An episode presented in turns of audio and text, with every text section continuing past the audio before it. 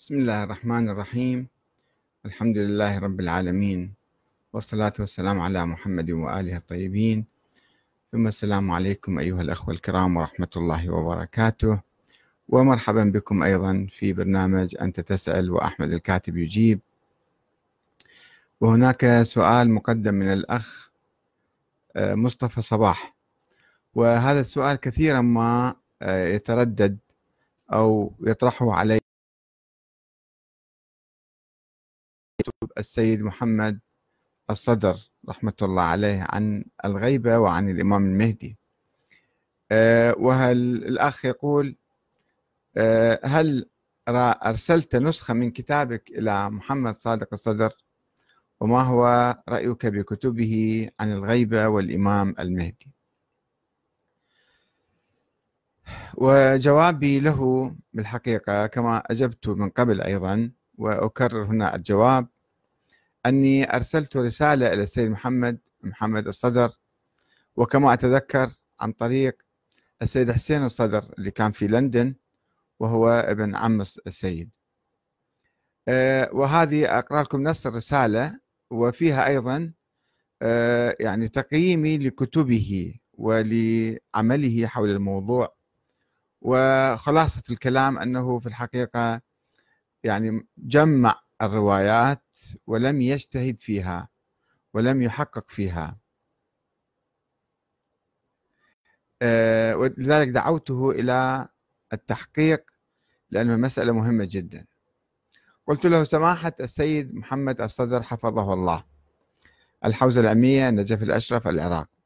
السلام عليكم ورحمة الله وبركاته. وبعد فقد اطلعت على كتابيكم عن تاريخ الغيبة الصغرى والغيبة الكبرى. ودرستهما بدقة. وكان البحث بصورة عامة يدور حول الإمام المهدي محمد بن الحسن العسكري مع مقدمة في البداية يعني السيد كاتب مقدمة عن تاريخ الإمامين الهادي والعسكري ومؤخرة عن تاريخ النواب الأربعة وغيرهم. وقد تركز الكتاب حول تاريخ ولادة الإمام المهدي. وقصص مشاهدة بعض خواص الشيعة له في حياة أبيه ثم مشاهدته بعد وفاته بعد وفاة أبيه يعني خلال ما عرف باسم الغيبة الصغرى. وقد اعتمد الكتاب على استعراض الروايات التاريخية يعني أسميها روايات تاريخية حول تاريخ الإمام يعني حول ولادة الإمام المهدي ووجوده. وتجنب الخوض وتجنب الخوض في الأبحاث الكلامية التي تثبت وجوده وولادته بالأدلة الفلسفية أو العقلية أو الاعتبارية كما يسمونها يعني.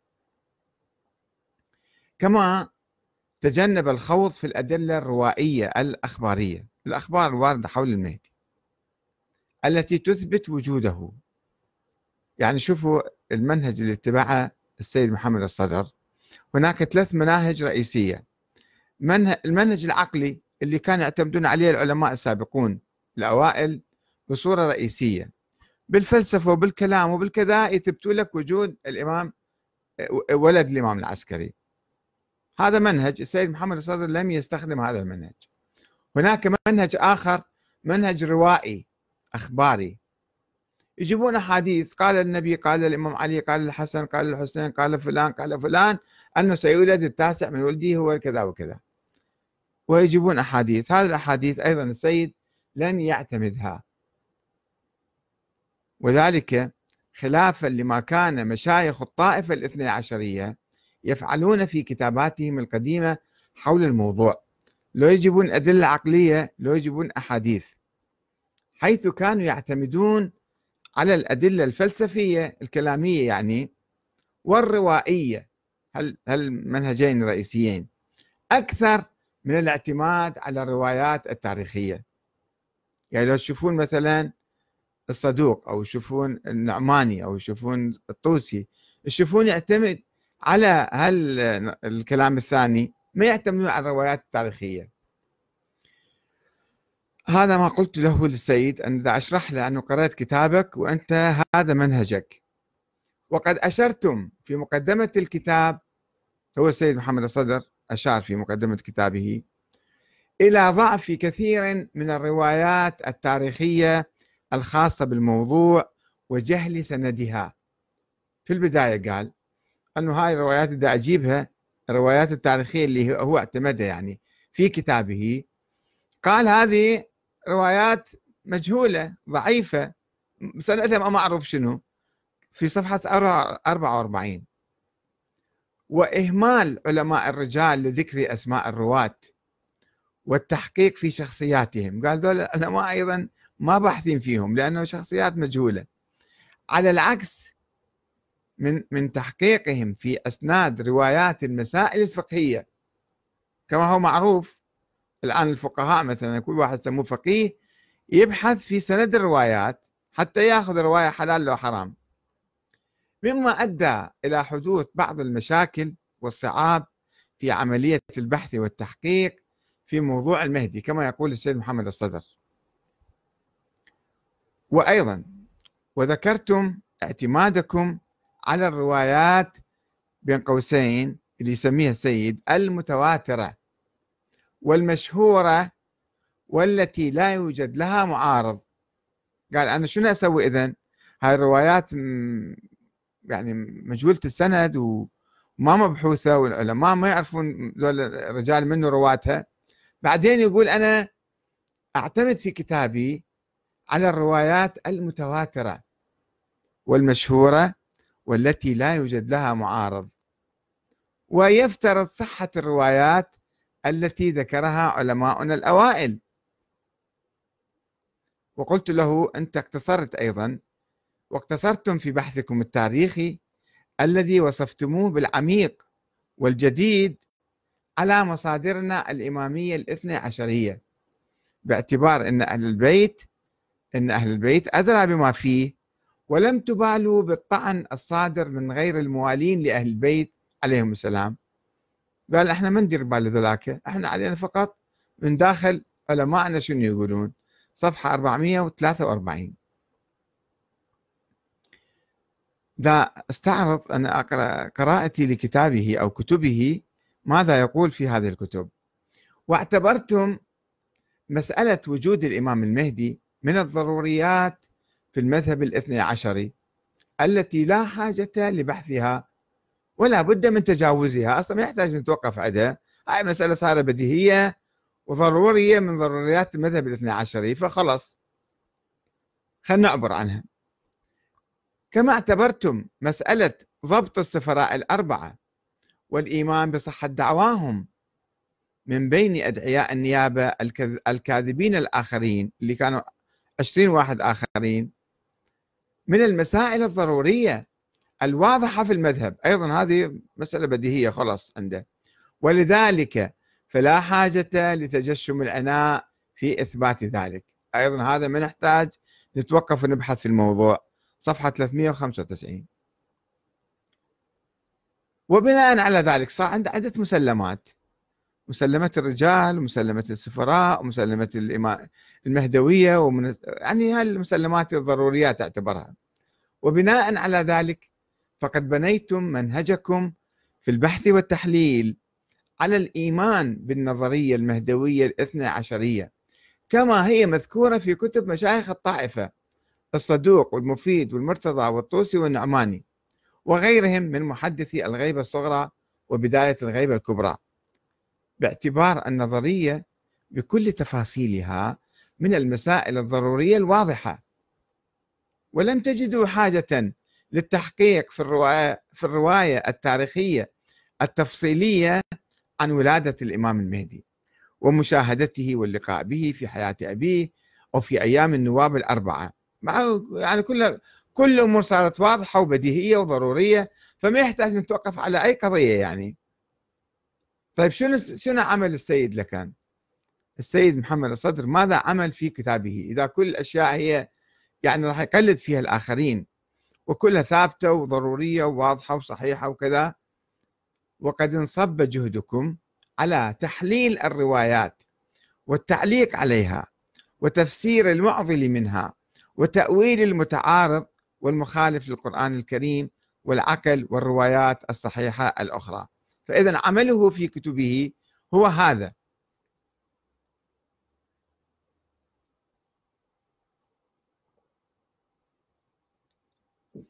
وبالرغم من الجهود التي بذلتموها في صياغة الموضوع وتحليل الأحداث فإني أعتقد أن موضوعا خطيرا كموضوع وجود الإمام المهدي محمد بن الحسن العسكري تترتب عليه أمور كثيرة في الفقه وفي الفكر السياسي والعقائدي ويقوم عليه كيان الطائفة الاثنى عشرية.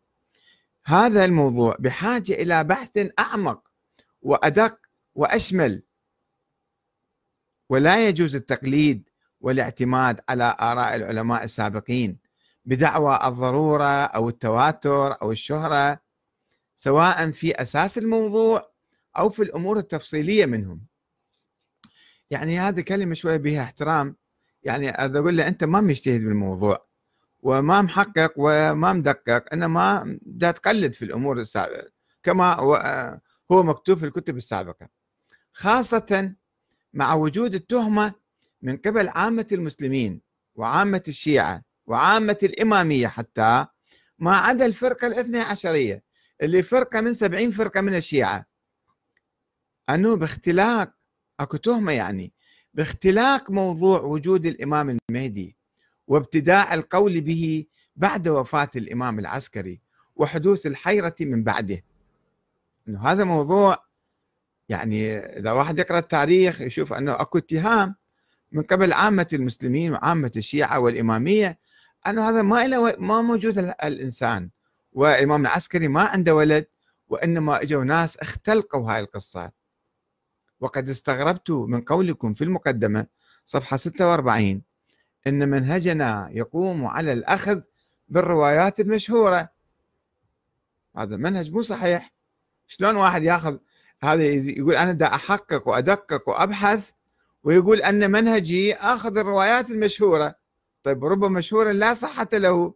فشلون تأخذ الروايات المشهورة؟ لازم تحقق فيها تدقق فيها تنظر فيها أكثر. ما يصير تأخذ الأمور هالشكل بهالسطحية وبهالسرعة يعني. إن الأمانة العلمية تقتضي استعراض الصورة التاريخية الدقيقة والشاملة كما رواها مؤرخو الإمامية الأوائل كسعد بن عبد الله الأشعري القمي في كتاب المقالات والفرق وأنه بختي في كتاب فرق الشيعة والمفيد في الإرشاد وغيرهم. وعدم الاكتفاء باستعراض الرأي القائل بوجود المهدي. يعني هم قالوا ذول العلماء الأوائل قالوا هناك عدة نظريات وعدة آراء وكان مسألة فيها جدل ونقاش وبعدين صار أكو رأي معين. فأنت ليش تأخذ لازم تجيب كل الصورة وكل الآراء وبعدين آه، تختار الرأي الصائب وتستدل عليه بالأدلة القاطعة القوية. وعدم الاكتفاء باستعراض الرأي القائل بوجود المهدي وحده من بين مجموعة الأقوال التي قال بها شيعة الإمام الحسن العسكري في أيام الحيرة. أن الإجماع أو التواتر أو الشهرة أو الضرورة التي تتحدثون عنها في موضوع المهدي لم يكن أي منها موجودا في حياة أهل البيت. لا كان في شيء اسمه إجماع ولا كان في اسمه تواتر ولا شهرة ولا ضرورة ولا حتى حديث واحد ما كان موجود. ولا بعد وفاة الإمام العسكري. فأنت الآن تعتقد أكو إجماع هذا ما يسموه إجماع. تقول أكو تواتر هذا ما يسموه تواتر. التواتر لازم يكون متصل في جميع مو اليوم أكو تواتر في ذهنك تعتبر هذا تواتر. يعني تعريف التواتر هنا في مشكلة فيه. لأن الموضوع كان غامض وما كان أحد يعرف الموضوع لذلك وقعت الحيرة. ولذلك حدثت الحيرة في موضوع خليفة الإمام. لو كان الأمور كلها واضحة مثل ما اليوم عندنا عندك ومسائل كلها بديهية وما يحتاج نناقش بيها بعد ليش الشيعة وقعوا بالحيرة؟ وانقسم الشيعة الإمامية شيعة الحسن العسكري بالذات إلى 14 فرقة حول الموضوع. الموضوع كان جدا غامض وماكو أي شيء مؤشر عليه. وإنما حدث ذلك بعد بعد فيما فيما بعد حدث ذلك فيما بعد. حين قال فريق من الإمامية بوجود ولد للإمام العسكري هو الإمام من بعده بالسر.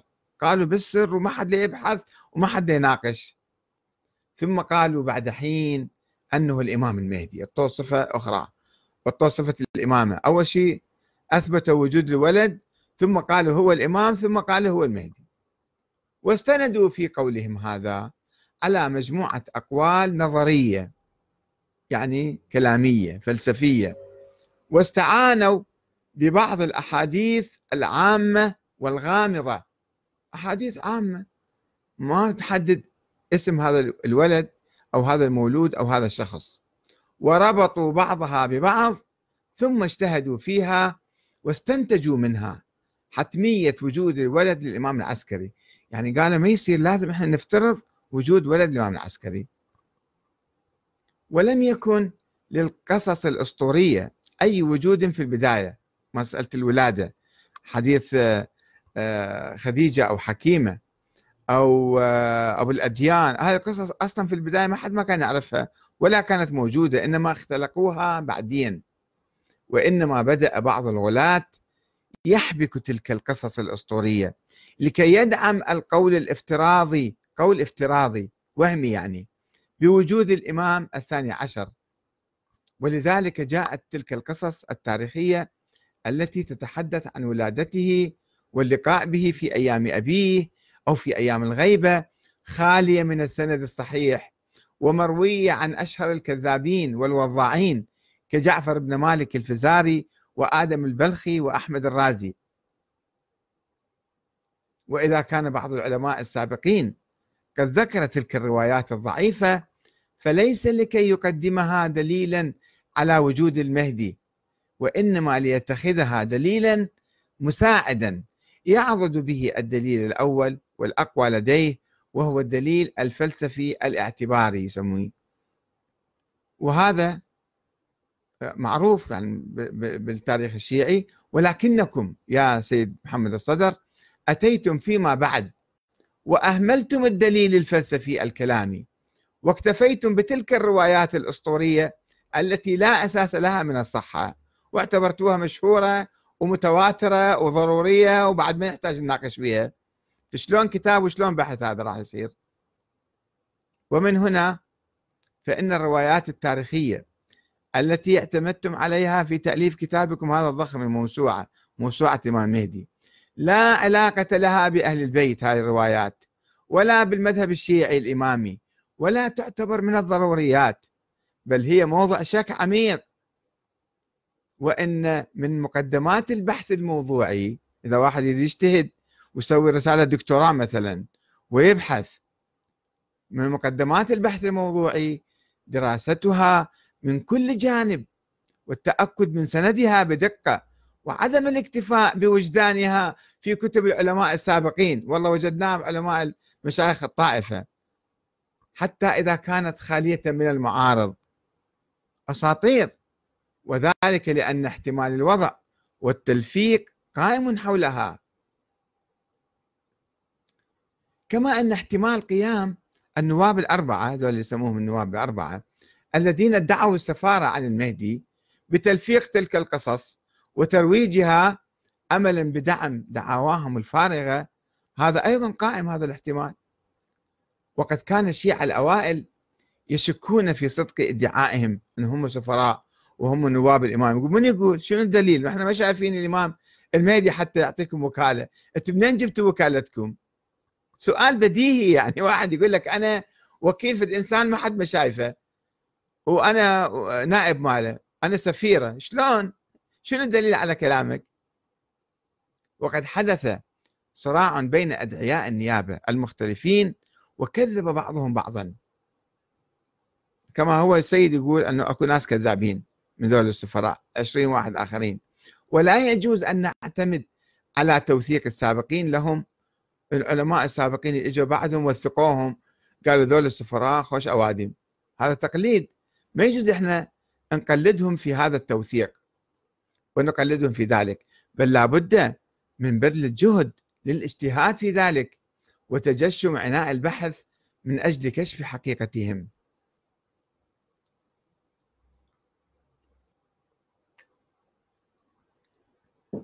إذا فإن الحاجة إلى إعادة النظر في الموضوع برمته. هذه الحاجة ملحة جدا ولا بد أيضا يعني أدعو السيد محمد الصدر إلى أن يعيد النظر في كتابه. إعادة النظر في الموضوع برمته ملحة جدا ولا بد أيضا من إعادة النظر في منهج البحث والتمييز بين الروايات الصحيحة والمزورة. مو واحد يكون أخباري حشوي ماكو أخبار وروايات يجيبها ويصفطها بكتابه. وذلك باعتماد علم الرجال ومبادئ الرواية والدراية ورفض أي رواية ضعيفة أو مجهولة أو مقطوعة السند. حتى لو كانت مذكورة في كتب العلماء السابقين. هذا مو معناته صارت رواية صحيحة. هؤلاء العلماء الذين كانوا يحاولون أن يدعموا نظريتهم بأية إشاعة حتى لو كانت كاذبة وأسطورية خاصة مع وجود الشك والتهمة باختلاق نظرية الاثنى عشرية في عصر الحيرة بعد وفاة الإمام العسكري بعقود من الزمن. هذا تقييمي لكتابة ودعوتي إلى آه، إليه لكي يراجع وينظر من جديد وأيضا قلت له ويسرني في هذه المناسبة أن أقدم, أقدم لكم جهدي المتواضع الذي يثبت اختلاق النظرية المهدوية الاثنى عشرية وافتراض وجود الإمام المهدي محمد بن حسن العسكري الذي لا وجود له في الواقع. أتمنى منكم أن تلقوا بنظرة فاحصة على الكتاب وتوافوني بما لديكم من ردود وأنا على استعداد لأن أغير وجهة نظري أو أعدلها إذا قدمتم لي أي أدلة علمية تثبت موضوع الولادة والوجود للمهدي محمد بن حسن العسكري. وشكرا والسلام عليكم ورحمة الله وبركاته. أحمد الكاتب لندن 1413 يعني بعد السيد ما كان طارح مرجعيته. ربما كان الرسالة أيضا في حياة السيد الخوئي أو يعني في ذيك الأيام بالضبط الآن لا أتذكر. هذا ما رأيي بكتبه ورأيي ببحثه أنه هذا ليس بحثا علميا وليس بحثا اجتهاديا وإنما تصفيط وتجميع للأحاديث الضعيفة اللي هو يقول هذه أحاديث ما حد يعرف سندها شنو ولا رجالها ولا رواتها وإنما موجودة بالكتب جابها وحطها وسواها كتاب ضخم اسمه موسوعة الإمام المهدي ولكن هسه إذا هو ما جاوبني أو هو ما رد علي فأنا أطلب من أي واحد يقرأ الكتاب كتاب موسوعة الإمام المهدي موسوعة الغيبة أن ينظر فيه ويعيد النظر فيه ويراجع هذه النقاط ويبحث الموضوع بصورة علمية دقيقة. والسلام عليكم ورحمة الله وبركاته.